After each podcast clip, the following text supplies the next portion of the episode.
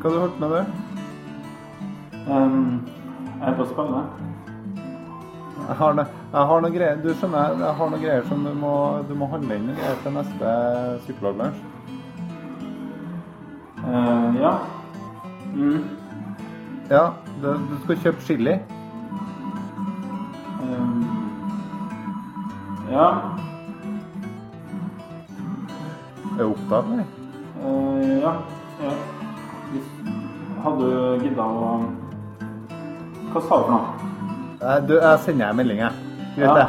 greit. Ha det. Ha det.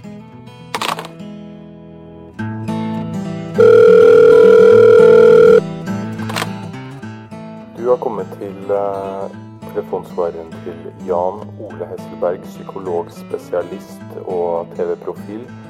Jeg kan dessverre ikke ta telefonen akkurat nå, for jeg befinner meg eh, i Bergen eh, på Gullruten. Dersom du ønsker å få kontakt med meg, er det antageligvis meget enklere å få tak i eh, Petter Skjerven, programleder for Typisk eh, deg. Han eh, kan videreformidle beskjeder til meg. Dersom du ikke når eh, Skjerven, kan du prøve å få tak i Andreas Wahl, som også kommer til å ta imot beskjeder for meg. Han er kjent fra Folkeopplysningen. If you are calling from the BBC or the CNN, I'll be, I'll be uh, available to do interviews on Sunday. I'll be uh, able to talk about uh, anything, not just psychology. So please leave a message after the beep if you need me for any you.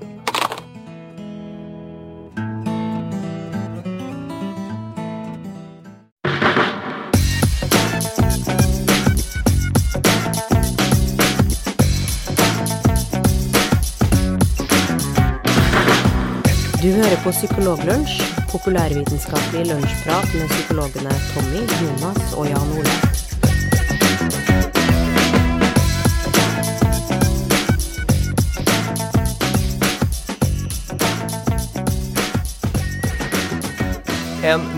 Episode med Psykologlunsj er eh, i gang. Eh, jeg heter Jan Ole Heitseberg, og med meg så har jeg en som heter eh, Jonas Våg. Det er sløvpeisen vår. Og så har vi Tommy Mangerud, som er ingenting foreløpig, men blir det helt sikkert snart. Og i dag så er det nemlig jeg som er programleder, og det er første gang. Og jeg har en liten historie som handler om det å lede programmer. For eh, da jeg eh, jobbet med Folkeopplysningen, så ble jeg spurt om jeg skulle Om jeg kanskje skulle prøve meg på rollen som programleder. Eh, da hadde vi ikke bestemt hvem som skulle være det. Og eh, da var jeg på eh, opptak og fremførte et manus eh, som jeg hadde fått i forkant. Og så gikk jo åpenbart ikke det så bra, da, siden jeg eh, ikke ble denne programlederen. I stedet ble det Andreas Wahl, eh, denne fysikeren. Den blide fysikeren. Jeg fikk nemlig tilbakemelding på at jeg var litt eh, eh, så litt sur ut. Du så litt sur ut. Ja, ja. Jeg gjorde det, men i dag så er jo på en måte målet mitt å bevise at eh, det ikke bare er blide fysikere med triks som kan være programledere. Det er også sure og tverre psykologer som kan være programledere. Absolutt nydelig. Perfekt. er det. Og her, og her sitter vi jo, det er jo tre stykker av dem her. Så det er jo Og- Og hvem vet? Kanskje, kanskje i morgen så er det på barne-TV? det, eh, ja, Men det, jeg er jo allerede på barne-TV. Du er jo ja, høna Turid. Ja, men jeg er jo inne i høna Turid. Ja, det er du. Ja, det er sant. Ja. Men eh, Jonas har jo, som er vår eh, HMS-ansvarlig her i Psykologlunsj, eh, har jo meldt inn en sak som han ønsker å ta opp. Det er jo utgangspunktet ikke noe vi skal plage dere lyttere med, men akkurat det skal sikkert ikke ta så veldig lang tid. Så da tenkte jeg at eh, vi skulle gi ordet til HMS-ansvarlig Men, Jonas Våg. men, Hvordan- men, men du, hvordan vet du at jeg er HM- HMS-ansvarlig? Ja, det skulle jeg til å spørre om. Stasi? Hva, hva, er det, hva er det som skjer her? Hvorfor er han HMS-ansvarlig? Hva, hva skjer der? Eh, Det er sånn at enhver bedrift av en viss størrelse, som jo dette her er, må utpeke en HMS-ansvarlig. Og jeg, med mine ekstreme logiske ferdigheter, har resonnert meg fram til at det må være Jonas Våg, stipendiat, HMS-stipendiat. Ja, og, men, eh, og nå har du jo du avslørt, men jeg er jo arbeidsmiljøforsker. Og, og, og i disse dager så driver jeg og forbereder en, eh, en forelesning som jeg skal ha i LA, faktisk. I LA i, Ja, som i Los Angeles. Yes. Ladies and gentlemen, my name is Jonas Våg. Okay. det, det har jeg øvd meg på, da. Kløpt deg. hørtes bra ut. ja, har det. Jeg klipper meg. Du, eh, nei, og, og da når jeg begynte å lese litt sånn organisasjonspsykologi-litteratur og arbeidsmiljøloven og sånn, så har jeg jo funnet ut at eh, eh, produksjonsbedrifter, altså bedrifter som oss, er jo pålagt å ha et HMS-program. Akkurat sånn som Jan Ole sa. Og la poenget mitt. Ja, Kjempeoverraskelse at vi har en HMS-ansvarlig nå. Ja, og vi har jo blitt et multimediekonsern, egentlig. Fra, fra å være en liten podkast, så har vi jo utvida oss til et blitt svært konsern. Eh, Jan Ole har jo vært på Gullruten nå nettopp. Eh, Tommy har vært på Støren. Og jeg har vært eh, og jeg, jeg har vært på Stjørdal og jobba. Så, så, så derfor har jeg utnevna meg sjøl som vern, verneombud. Siden da Jan Ole har, har ganske dårlig tida for at han skal være på sånn kjendisevenement. Ja, Kjendisfest. Ja. Eh, Og som min første HMS-ansvarlig oppgave, så har jeg valgt å tenke på vår helse. Oi. Eh, For helsa vår er ganske viktig. Mm, og som et første helsemessig tiltak så har jeg tenkt eh, på smerte. Jo, okay. ja, jo, ja, jo for, ja. for, for dere, dere vet det kanskje ikke, men smerte er nødvendig for oss eh, for å overleve. Hadde ja. vi ikke- Har du, har du bevis for det, Jonas? Ja, det har jeg. Det, har, å, det er akkurat sånn som vi har planlagt dette innslaget her, men eh, det har vi altså da ikke. Eh, fordi at eh, når vi gikk eh, biologisk psykologi på grunnfag, så lærte vi om ei som het Miss C. Eh, som kom fra McGill University i Montreal. Og hun Miss C det var ei høyintelligent og så smart dame som, var, som, eller som var student på det universitetet.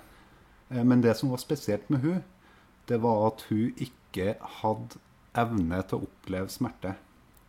Ja. Og det medførte at hun ble et ganske sånn interessant forsøksobjekt eh, på det her universitetet. Og en av, de, en av de tingene som kanskje var litt overraskende med henne, var at hun eh, var i live. Absolutt. absolutt. Og det kommer jeg jo tilbake til òg. For, fordi at når du, når du da ikke opplever smerte, så kan det jo hende at, eh, kan det hende at du kommer borti ting som, eh, som gjør at eh, du skader deg sjøl. Og så merker du ikke at du skader deg sjøl. Blant annet så hadde du Miss ganske store forbrenninger på knærne sine fordi at hun, hun hadde stått da i vindusposten ofte som liten eh, og kikka ut gjennom vinduet. Men, eh, men det hun ikke var klar over, da, eller hun var klar over det, men hun merka ikke det, det var at hun sto med knærne oppå radiatoren på, Ja. eh, på rommet sitt. Så derfor hadde hun tredjegrads forbrenninger på knærne sine uten å merke det. Uff da. Eh, I tillegg så hadde hun spist av store deler av tunga si mens hun, mens hun satt og spiste mat. Uh, Det er jo ikke bra. Som Det er barn. ikke bra. Så hun mista tuppen av tunga. Ja. Uh, og det, det Ja. Det, man kan jo se for seg at det ikke ser bra ut, men for hun så opp, ble det ikke opplevd som vondt. Nei. Eh, ok, og det, det, overgangen nå er jo litt trist, for hun døde når hun var 29 år gammel av, uh, eh, av um, store, massive infeksjoner Ja. i hud og bein. På, på grunn av sårene hun har pådratt seg. Ja, absolutt. Så, sånn at uh, dere hudforbrenningene sånn, det, det viste seg ganske klart etter hvert at eh, det ble utvikla seg til masse infeksjoner. Nå, det, nå, det begynte veldig bra eh, med denne podkasten. God stemning. Og så rett inn i eh, sår, infeksjoner og for altfor tidlig død. Ja, det er sant. Ja. Og, det her, eh, og etter hvert så har man jo funnet ut at det her er en sykdom som heter eh, congenital insensitivity to pain. Eh, som er en medfødt tilstand som innebærer å ikke ha smerteopplevelse. Ja, er, det, er det en sånn spesifikk uh, genmutasjon man har, eller Ja. er det? Er bet, er det ja? Ja, det er det, det det som er teorien, i hvert fall. eh, Mm. bak det. Og, og, at, og at de her det, det kan vise seg litt forskjellige måter. Noen har litt smerteopplevelse, eh, og så kan liksom merke det litt, mens andre har helt totalt fra- fravær av det. Ja, ok, Så det er gradering her også. Ja, det er det. Og det, og det skal jo sies at eh, hun eh, Sånn jeg har forstått det, så levde nok hun ganske lenge sammenlignet med andre som har eh, den varianten som hun har. Fordi at man pådrar, nettopp fordi man pådrar seg så mye sår. Bare det å sitte stille i en stilling over lengre tid kan man jo få sår av. Vi flytter jo på oss hele tiden for å unngå det, og det, mer det merker jo ikke de. da. Ja, for de case-studiene jeg så var det også bl.a. på spedbarn og sånn. Det er en veldig sjelden sykdom her. Jeg vet ikke eh, prevalensen, men det er en veldig sjelden en. Eh, Hva er prevalens, Jonas? Du kan ikke bare eh, si for, prevalens. Forekomsten. Hvor mange, som, eh, hvor mange som har det. Hvor mange som har det til enhver tid? Til enhver tid, ja. Så hva er det, Jonas? Og så retter du meg i etterkant. Det, Det det, er, typisk eh, Jan Ole. Det er så det er bra radio, altså. Det er Men du, jeg, jeg, jeg har veldig høy smerteopplevelse, Jonas. Sånn at eh, Litt hva, hva, hva skjer nå? Eh, nei, nei det, er jo det som er interessant. Vi har jo litt sånn, vi har jo litt sånn graderinger av smerteopplevelse. Og sier, men du sier at du har høy smerteopplevelse, men, men det vet vi jo egentlig ikke. Og tør jo, vi vi vet egentlig det. og, og tør vi egentlig å ta sjansen på at vi egentlig opplever smerte? Så det er ditt HMS-bidrag? Det er mitt HMS-bidrag, så at vi er sikre på at ingen av oss eh, faller bort fordi at vi ikke opplever smerte Ja. i løpet av psykologlunsj. Blant annet f.eks. hvis en av oss eh, øh, får et alvorlig Ja, altså at vi setter oss på en tegnestift da, som har øh, som, øh, som barna våre har satt der, og som de har smøra inn med et eller annet sånn giftig stoff. Eh, så, så kan det hende at vi får brennende smerte, men ikke merker det i løpet av, i løpet av, av showet. Og da ja, Jeg kaller det for et show. Det er egentlig Ja, en lunsj, men jeg kaller det for et show. Uh, og da er det da viktig at vi må, vi må eh, belage oss på å forsøke ut litt med smerte. Og da Og hva er den, hvordan er den beste måten å gjøre det, da, Jonas? Jo, for siden vi ikke er radioresepsjon uh, som driver og skyter på hverandre med paintballgevær, og siden vi sitter i hvert vårt hus, så må vi, må vi forsøke et annet middel. Og da er vi så heldige å ha et middel som heter capsaicin. Ja. Og vet du hva det er? Jan Ole vet alt. Før Jan Ole. Å, nå ble den stille, nå. Nå ble den stille. Jeg, jeg har hørt om det stoffet, og jeg, jeg har en sånn eh, bang anelse om Du, hvor man finner ikke- ekstra mye av det. Ja, og ikke si det helt ennå. Nei, jeg skal ikke det. Fordi at kapsaisin da er et kjemisk stoff eh, som påvirker smertereseptorene våre og medfører brennende smerte.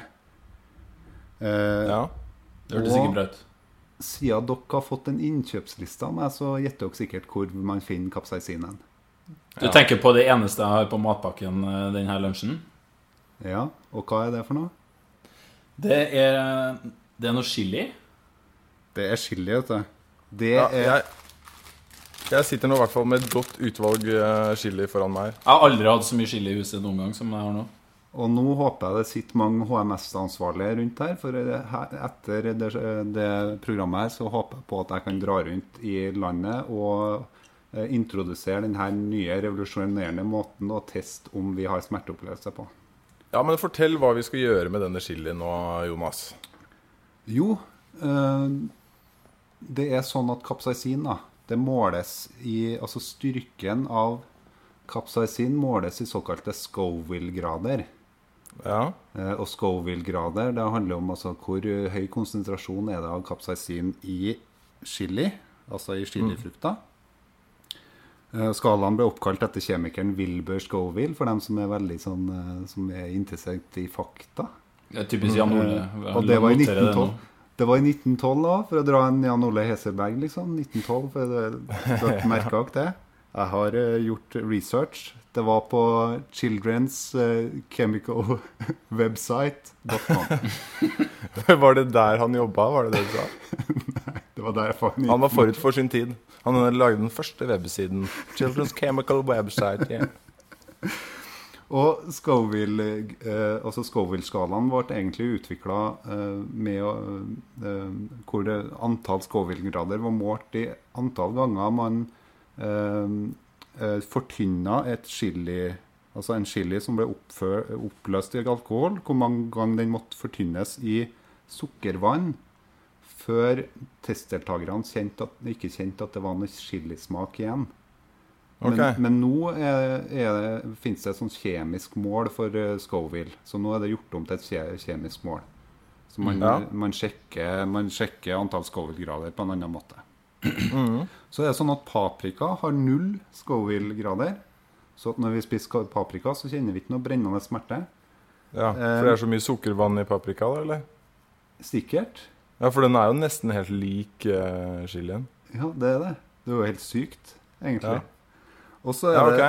Ja, er det sånn at tabascosaus det har mellom 7000 til 8000 Scoville. Det er veldig Ja. mye. Nei, det er ikke veldig mye, skjønner Det er ikke det, nei. Fordi at uh, i, i eh, pepperspray For det er en liksom fun fact.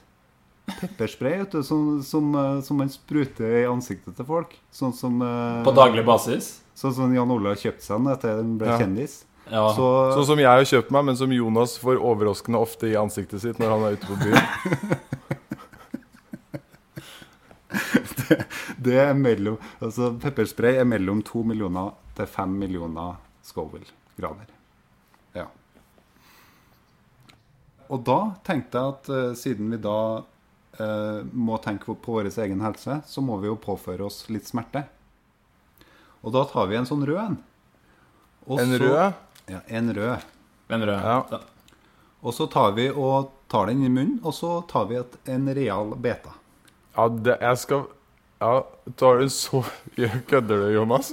Jonas har nå eh, sikkert eh, 70% av den chilien i kjeften sin. Skal du, skal du lure oss nå? OK? Ok. Ja, paprika. Og det smaker jo Det er ikke noe smaker- problem. Det smaker paprika. Det er fordi smaker de er, det er jo det samme Det er jo slekt. Det er jo samme greia.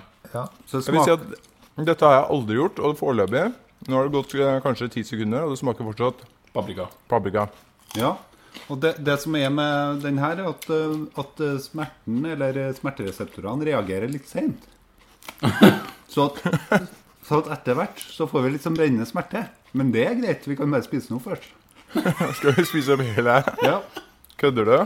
Å, herregud, jeg gruer meg. Jeg kjenner jeg Og mens vi spiser, så kan jeg komme med noen fun facts. Vet dere at hjernen ikke har smertereseptorer? Um, Ja, det visste jeg. Ja, fordi at eh, hjernehinna som omkranser hjernen har masse reseptorer, men ikke hjernen. Så når du Nei. først har kommet innvendig, så er det bare å, å grave i vei. Skal jeg fortelle deg noe òg? Det var at det ikke var lurt å spise de frøa inni der. Ja, jeg kjente kjent på det. Jeg kan nå rapportere om at jeg kjenner en lett svie. Nå har det gått eh, kanskje et halvt minutt. jeg vet ikke. Vet du, eh, en annen fun fact. I OL i Be- Beijing i 2008 så ble Norge tatt i doping. Ja, Og hva det var ble- den Hva, Ja. hva ble vi tatt for? Å, det kan jeg fortelle deg. Ja. Det var den uh, hesten som hadde fått uh, injisert nettopp uh, dette stoffet som vi sitter og knasker i oss nå. Ja, han har fått Nei, men egentlig så har han fått smørt kapsaisin på, Ja. på, på um, beina sine. Ja. Fordi, at, fordi at siden det også fungerer smerteindiserende, så fungerer også smertedempende. Fordi at den gir en sånn generell smerteopplevelse. Men nå sitter jeg og knasker Ja, Ja. fortsett. Eh, eh, som da gjør at eh, Det er jo en sånn fun fact, vet du. Og det dere ikke vet, er at hvis en Geir Moen hadde smurt inn beina sine med kapsaisin, så hadde han kanskje eh, løpt på under ti sekunder. Ja, men han løper jo allerede under 10 sekunder. For de av dere som ikke visste at når Geir Moen var den første under 10 sekunder, så er det på 100 meter. Så er det bare å høre forrige episode. Og nå begynner jeg å kjenne at det svir. Ja, og, Det var lett ubehagelig. Kanskje vi skal gå for en sånn grønn en eh, samtidig, mens vi sitter her. Jeg, fikk ikke tak i en grønn, men jeg har en gul. Er det bra, bedre eller verre? Du er Men, bare eh, men eh, Jonas, Ja. eh, nå har vi sittet en stund, og nå har vi spist hele den røde chilien. ja. Eh, Det svir fortsatt ikke sånn veldig mye. Det er ganske overkommelig der. Blir det verre? Jeg har ikke gjort det her før, nemlig. Nei, nei fordi at det, den her, det her er en så, såkalt cayennepepper. Så den inneholder 30 000-50 000 Scoville. Det er såpass, 30 ja. 000-50 000. Scoville, ja. Ja. Så hvis vi da går for den litt mindre eh, rakkeren, som ser ut som en liten paprika, ja. ja. Den den kan vi gå rett på. Ja, Skal vi gjøre det nå? Den søte liten. Så tar vi en real beta av den òg. Eller kanskje Skal vi gjøre det? Eller kanskje en liten Jonas, Jonas, fortell oss hva, hva er det vi åpner nå? Eh, Da åpner vi en såkalt habanero. eh, Som, er det, som er den sterkeste frukten eh, vi kan ha. Det er det, ja. Frukten, ja. Og på pakka mi så står det at opprinnelseslandet er Uganda. Og så står det under spesifikt 'vær forsiktig'. Står det.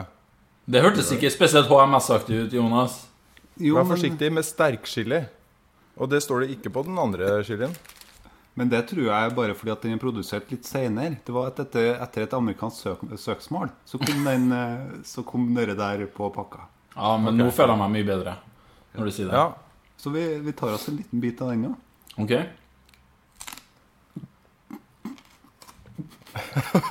Jeg har ikke Nå er jeg, jeg, jeg tør ikke. Kom igjen, Jan Ole. Kom Jeg igjen. eksploderer jo når jeg tar biter inn. Bare sitt her. Sitt her nå.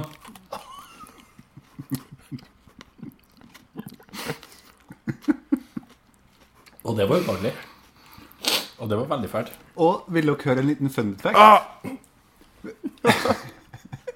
da, da, da tar vi en liten fun fact. Visste dere at, uh, at eh, det, er det er ikke ofte man dør av chili, men det går an å dø av det. Og at uh, chilipepper kan medføre svimmelhet og magesmerter og brennende diaré. Jeg syns ikke du skal være HMS-ansvarlig mer, jeg, Jonas. Faen, Jonas, det her er ikke noe morsomt, kjenner jeg. Men, men såpass Jeg sitter og- Eh, jeg bare rapporterer om mine symptomer nå. Jeg svetter som en gris. Og eh, det brenner noe sinnssykt på tunga mi. Eh, og hjerteraten er litt høyere enn tidligere. Og det er så bra, det. For det betyr at vi har bestått helsetesten. Og øynene mine renner ganske bra, kjenner jeg. Og det blir mye bedre når du gnir deg i øynene med det der eh, Holy. Åh. Eh, Så om eh, Så hvis dere vil ha Så hvis, eh, hvis dere vil eh, ha denne HMS-intervensjonen, så er det bare å ta kontakt med meg på Jonas eh, krøllalfa, psykologibloggen.no. Ja, har vi noe mer på plakaten da, programleder? Jeg tror, vi, jeg tror bare vi skal ta oss en liten pause før vi fortsetter.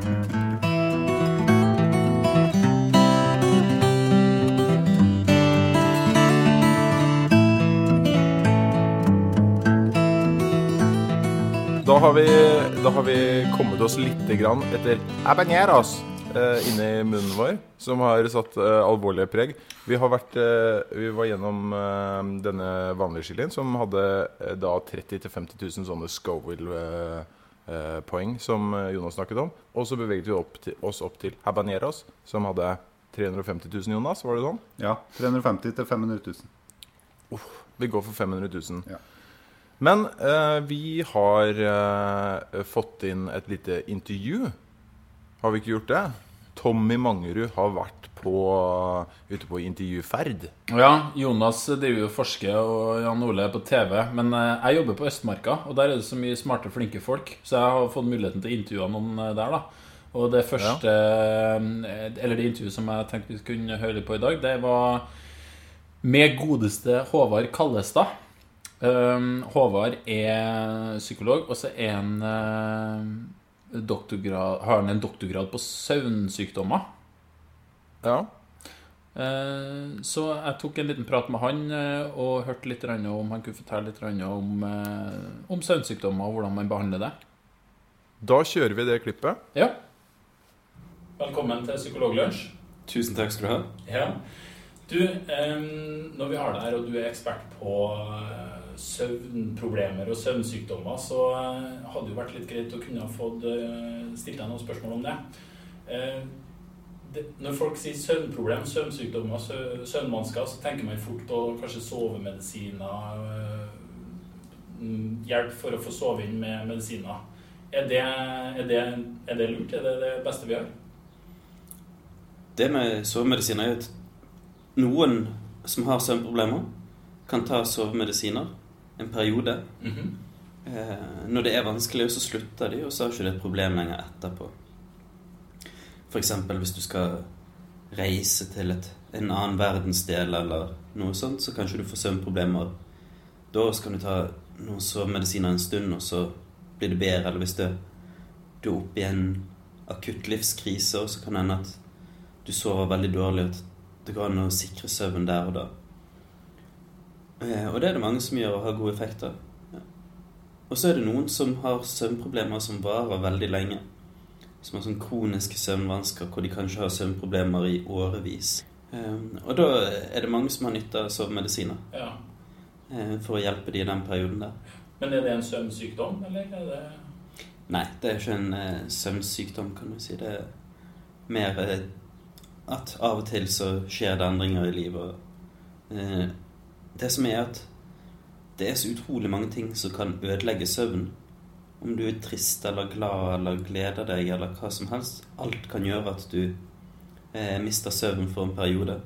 Men så er det noen som eh, på en måte etter at det, den stressordet eh, Etter at det er over, så har de fortsatt søvnproblemer. Eh, og der, for de pasientene så kan være, eller de menneskene kan være nyttig også eh, Noen kan ha nytte av søvnmedisiner, de også. Mens antageligvis flere der vil ha nytte av det vi kaller for sånn ikke-medikamentelle tiltak. Hvor man prøver å gjøre noe med eh, atferd og hvordan man forholder seg til søvnproblemene. hva er et ikke-medikamentelt eh, behandlingstilbud for eh, søvnproblemer? Jo, det jeg tror at mange har vært borti dette her litt. Grann. De har lest i, eh, et ukeblad eller eh, avis eller noe sånt om, eh, om 14 søvnhygieniske råd eller 14 gode søvnråd om at ikke du skal drikke kaffe for seint og ikke skal trene for seint og ikke skal legge deg for sulten og heller ikke legge deg for mett og mange sånne ting. Som er det vi kaller for ikke-medikamentelle tiltak. Og så er det at de fleste av disse her hvis du først har hatt søvnproblemer lenge, så vil ikke de her tiltakene her hjelpe deg noe særlig. Eh, Det kan fortsatt være lurt å kutte ned på kaffen og ikke sove så mye på dagen og sånt, men det eh, antageligvis må det noe mer til enn akkurat dette her hvis du først har fått kroniske søvnvansker. Mm. Og da er det eh, det som er anbefalt, det er det som kalles for kognitiv atferdsterapi for insomni. Det er på en måte det som er testet ut mest, og det som vi vet at det virker aller best. Så det virker bedre enn sovemedisiner, og det virker på lengst tid. Eh, så både rask effekt og, og langvarig effekt er best med, med, med kognitiv terapi her, da. Ok, så hvis du skal på en måte oppsummere det litt i veldig kort, hva egentlig som er annerledes når man har fått en kognitiv atferdsterapi mot søvnproblemer, hva er det man har lært seg da? Jo, det som er, Hvis du først tar og beskriver litt hvordan typisk er for folk som sliter med å få sove, så er det mange som begynner å grue seg til å gå og legge seg ganske tidlig. Eh, og så kanskje de gruer seg litt sånn innimellom, eller de gruer seg mye i løpet av kvelden til å gå og legge seg, for de vet at det er ikke noe behagelig å gå og legge seg når du ikke får sove. Det er veldig behagelig å ligge der og vri seg. Eh, samtidig så er det mange som opplever det at det er litt sånn uforutsigbart. At plutselig så kan Noen ganger så blir man søvnig og klarer å sove sånn i halv elleve-tiden. Mens andre ganger så kan det være mye seinere, og så vet man det at når du først blir søvnig, så er du nødt til å gripe sjansen og sove. Eh, så derfor så kanskje de går og legger seg Er det mange som går og legger seg tidlig for å ligge i sengen og på en måte være klar til det øyeblikket når de blir søvnige. Ehm, problemet med dette her er at man blir liggende veldig mye i sengen og ikke får sove. Um, også, ja, man ligger og vrir seg. For det første så er det utrolig ubehagelig tid. Det er ikke noe godt å ligge og se opp i taket. Uh, og for det andre så er det litt sånn at etter hvert så begynner vi å assosiere det sengen med det å ligge våken. Så det betyr at man går inn på soverommet etter hvert for å legge seg På et eller annet nivå så vet man at jeg får ikke sove uansett det når jeg går og legger meg. Så det vi prøver på i den kognitive atferdsterapien, er å bryte ned en del av disse uvanene her. Det vi ønsker å oppnå, er at folk skal få kontroll over søvn, sånn at når de går og legger seg, så opplever de at de sovner ganske fort, og at de sover godt når de sover. Eh, og for det andre så ønsker vi å bryte ned denne her antakelsen som man har, eh, kanskje mer eller mindre eksplisitt, eh, om at når man går og legger seg, så blir man liggende våken. Mm.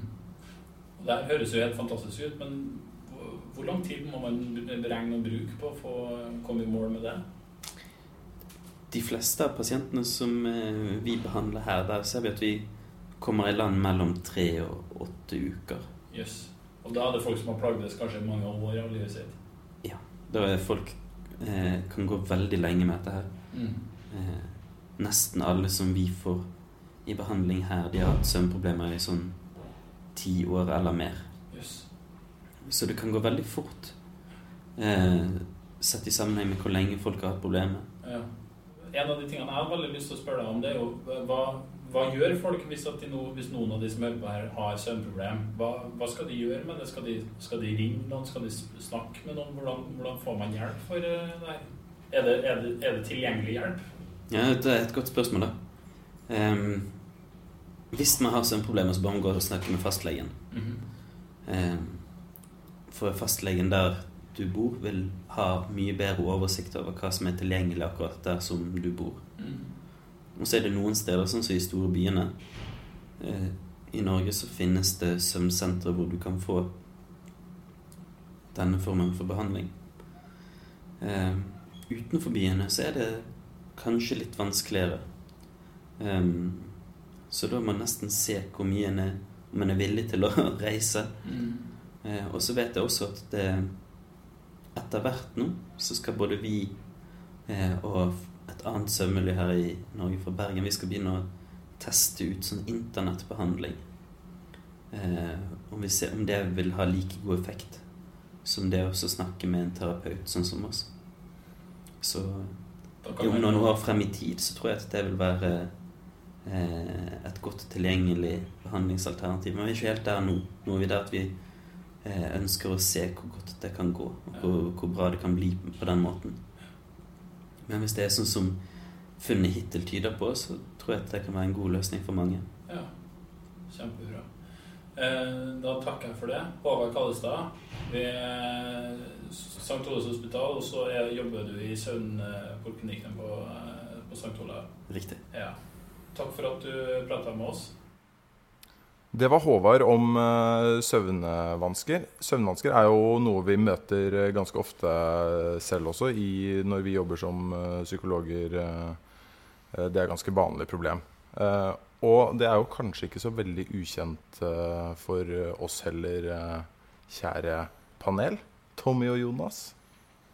Det er jo blitt panel nå. Det, det, det er tilbake til Hærland og Lyngbøs Big Bang. eh. Jeg er så inne i den modusen. Men eh, jeg kan jo, jeg kan jo ta og begynne litt med meg selv. Da. Altså, eh, nå er jeg ikke så veldig plaga av eh, søvnvansker, men jeg har jo hatt Det er noen sånne perioder i livet eh, hvor du har noen ekstra bekymringer som du vanligvis ikke har. Hvor det koker litt grann på jobb, eller det skjer andre ting. Sykdom i familie, f.eks. Og da da får man disse periodene hvor du ligger og vrir deg. Du er kjempesliten, men du, du klarer bare ikke eh, å sovne. Og det er så Jeg bare tenker på Nå har ikke det Jeg har vært så veldig ramma av det, men det har vært noen perioder. Og bare tenker på hvor sliten du blir av det. Og noen har altså dette nesten hele tiden. Sliter med det hver eneste dag. Har dere opplevd det? Ja, jeg har gjort det, og, det, og det er, jeg har også snakka med Håvard flere ganger tidligere også, og en av de tingene som er ganske snodig med det her, det er jo selvfølgelig det her at Altså hvordan du attribuerer Eller hva du tenker Hvordan du mener at søvnen din har vært. Altså det Ja. du tenker om din egen søvn når du våkner om morgenen, er med på å forme egentlig ganske stor grad hvordan dagen din blir. Ja, ja. Å Sånn nei, det, Ja, ikke sant. ikke sovet. Det er krise. ja, ikke sant? Og alt som går på en måte litt sånn galt den dagen, det skylder du på det her med at det er fordi du har sovet dårlig. Sånn at, Mm. eh, Så det får ganske store Det får ganske store konsekvenser, egentlig. Ja. Eh, når du sover dårlig, så er det både plagsomt, og det fører med seg mye annet grums. da Så det er slitsomt, Ja. rett og slett. Ja, og så er det jo øh, Så er det jo på en måte Det blir en sånn tilleggsbekymring når du ligger der. Det er ikke bare de tingene du, du på en måte bekymrer deg for i utgangspunktet som er, blir et problem, men søvn, bekymringen for å ikke sove blir et sånn tilleggsproblem. Ja. Eh, og da er det jo i hvert fall, hvis det ikke skjer så ofte, så kan det jo være veldig greit eh, for folk å ha i bakhodet at det ikke er så veldig farlig å, å sove dårlig en natt eller to. Det, det påvirker oss faktisk ikke så veldig mye. Uh, sånn at det er heller det at vi går og bekymrer oss for at det faktisk påvirker oss, som er problemet. I hvert fall når det er kortvarige søvnvansker. da. Men det var, eh, det var bare en liten digresjon. Eh, Håvard han eh, jobber ved søvnpoliklinikken ved St. Olavs. Og han har sagt at hvis dere lyttere har spørsmål, så kan dere sende de til oss, og så skal, han, skal vi få han til å besvare det. Og hvordan sender dere det til oss? Da kan dere gå inn på Facebook-siden vår. Det er bare å søke etter Psykologlunsj. Og der kan dere trykke på en liten link som gjør at dere kan spille inn eh, spørsmålet til oss. Så skal vi gjøre eh, vårt beste for å besvare det. Eller så kan dere besøke psykologibloggen.no, som er Norges beste eh, ressurssted for psykologfaget. Eller tankesmed.no, som er Norges nest beste ressurssted for psykologifaget. Veldig flott. Nå var du snill, ja, Jan Ole. Egentlig så, egentlig så er det jo eh, Norges beste kjendissted. Eh, tankesmed.no. Eh, Ja, eh, og jeg skal jo sånn gradvis begynne å fase siden min over fra psykologifaget, sånne ting som rasjonalitet og psykologimyter og sånne ting, og begynne å, heller å skrive om kjendisstoff. For det har jeg jo sett er eh, populært. Det er jo derfor det kalles kjendiser. Altså fordi det er mange som vet om dem, Uh, og da er det lettere å få treff. Men dere gutta, eh, vi skal snart avslutte. Men jeg har lyst til å ta en tommel opp og en tommel ned, jeg, som eh, har jo blitt en slags sånn fast spalte uh, for oss. Ja. Hva skal vi ta tommel opp og tommel ned på? Ja, det skal dere få høre nå. Jeg vil at uh, vi skal ta en tommel opp og to eller tommel ned for den nye jinglen jeg har laga. Har du laga en ny jingle igjen? Har du? Ja, og jeg har laget en uh, jingle til spalten tommel opp eller tommel ned. Så den skal vi avslutte med i dag. La oss få høre på den. Tommel opp og tommel ned. Tommel, tommel, tommel, tommel opp og ned. Jeg valgte jo, jeg valgte jo så, som dere hører her, så valgte jeg å gjøre dette a cappella. For jeg hørte jo på den forrige jingeren jeg laga, eh, så hørte jeg jo at jeg hadde jo så vakker stemme. Så Du la jeg til det, ja. Så da kjørte jeg bare fem spor med min egen stemme eh, og litt romklang, så ble det en ny jingle. Jeg forstår det. Og dette skal jo, er jo oppi mitt hode, så skal det bli uh, jingeren til eh, vår faste spalte Tommel opp eller tommel ned, hvor vi bedømmer hvor Psykologlunsj da bestemmer eh, om en ting skal gjøres eller ikke, eller om en ting er riktig eller ikke. Så jeg tenkte jo kanskje at eh, vi skulle ta tommel opp eller tommel ned eh, på denne også. Jonas, Eh, jo, du vet du, jeg er ikke så særlig fan av bjelleklang jeg- Etter jeg har hørt den der eh, 'For meg sjøl en stund', så, så, så har jeg hatt det helt oppi halsen. Og dette her var bjelleklangaktig. Uh, så jeg gir tommel ned. bjelleklang. Takk skal du faen meg ha. Uh, det finnes det finnes a cappella, som er bjelleklang, og så finnes det a cappella, som er Jan Ole Hesselberg, som lager for Psykologlunsj. Tommy, du eh, får det avgjørende ordet her. Ja, og Tommel opp eller tommel ned? Nei, altså jeg tenker siden at jeg fikk den her eh, flaska med whisky av deg i det- Eller skulle jeg kanskje ikke si det? Eh, klipper den nei, som jeg ikke fikk i posten, nei. Nei, så, Men likevel så tenker jeg at den var veldig bra. Sånn at eh, jeg sier tommel opp. altså Veldig flott. Yes. Da blir det jingle eh, neste gang vi tar tommel opp eller tommel ned. Dere, eh, dere som hører på nå, eh, fortsatt hører på, som har holdt ut så lenge som nå, dere har hørt på Psykologlunsj, som er en populær vitenskapelig podkast med psykologene Jonas Våg, Tommy Mangerud og undertegnede Jan Ole Hesselberg. Eh, vi pakker sammen eh, matpakka, og så møtes vi igjen om ikke så altfor lenge.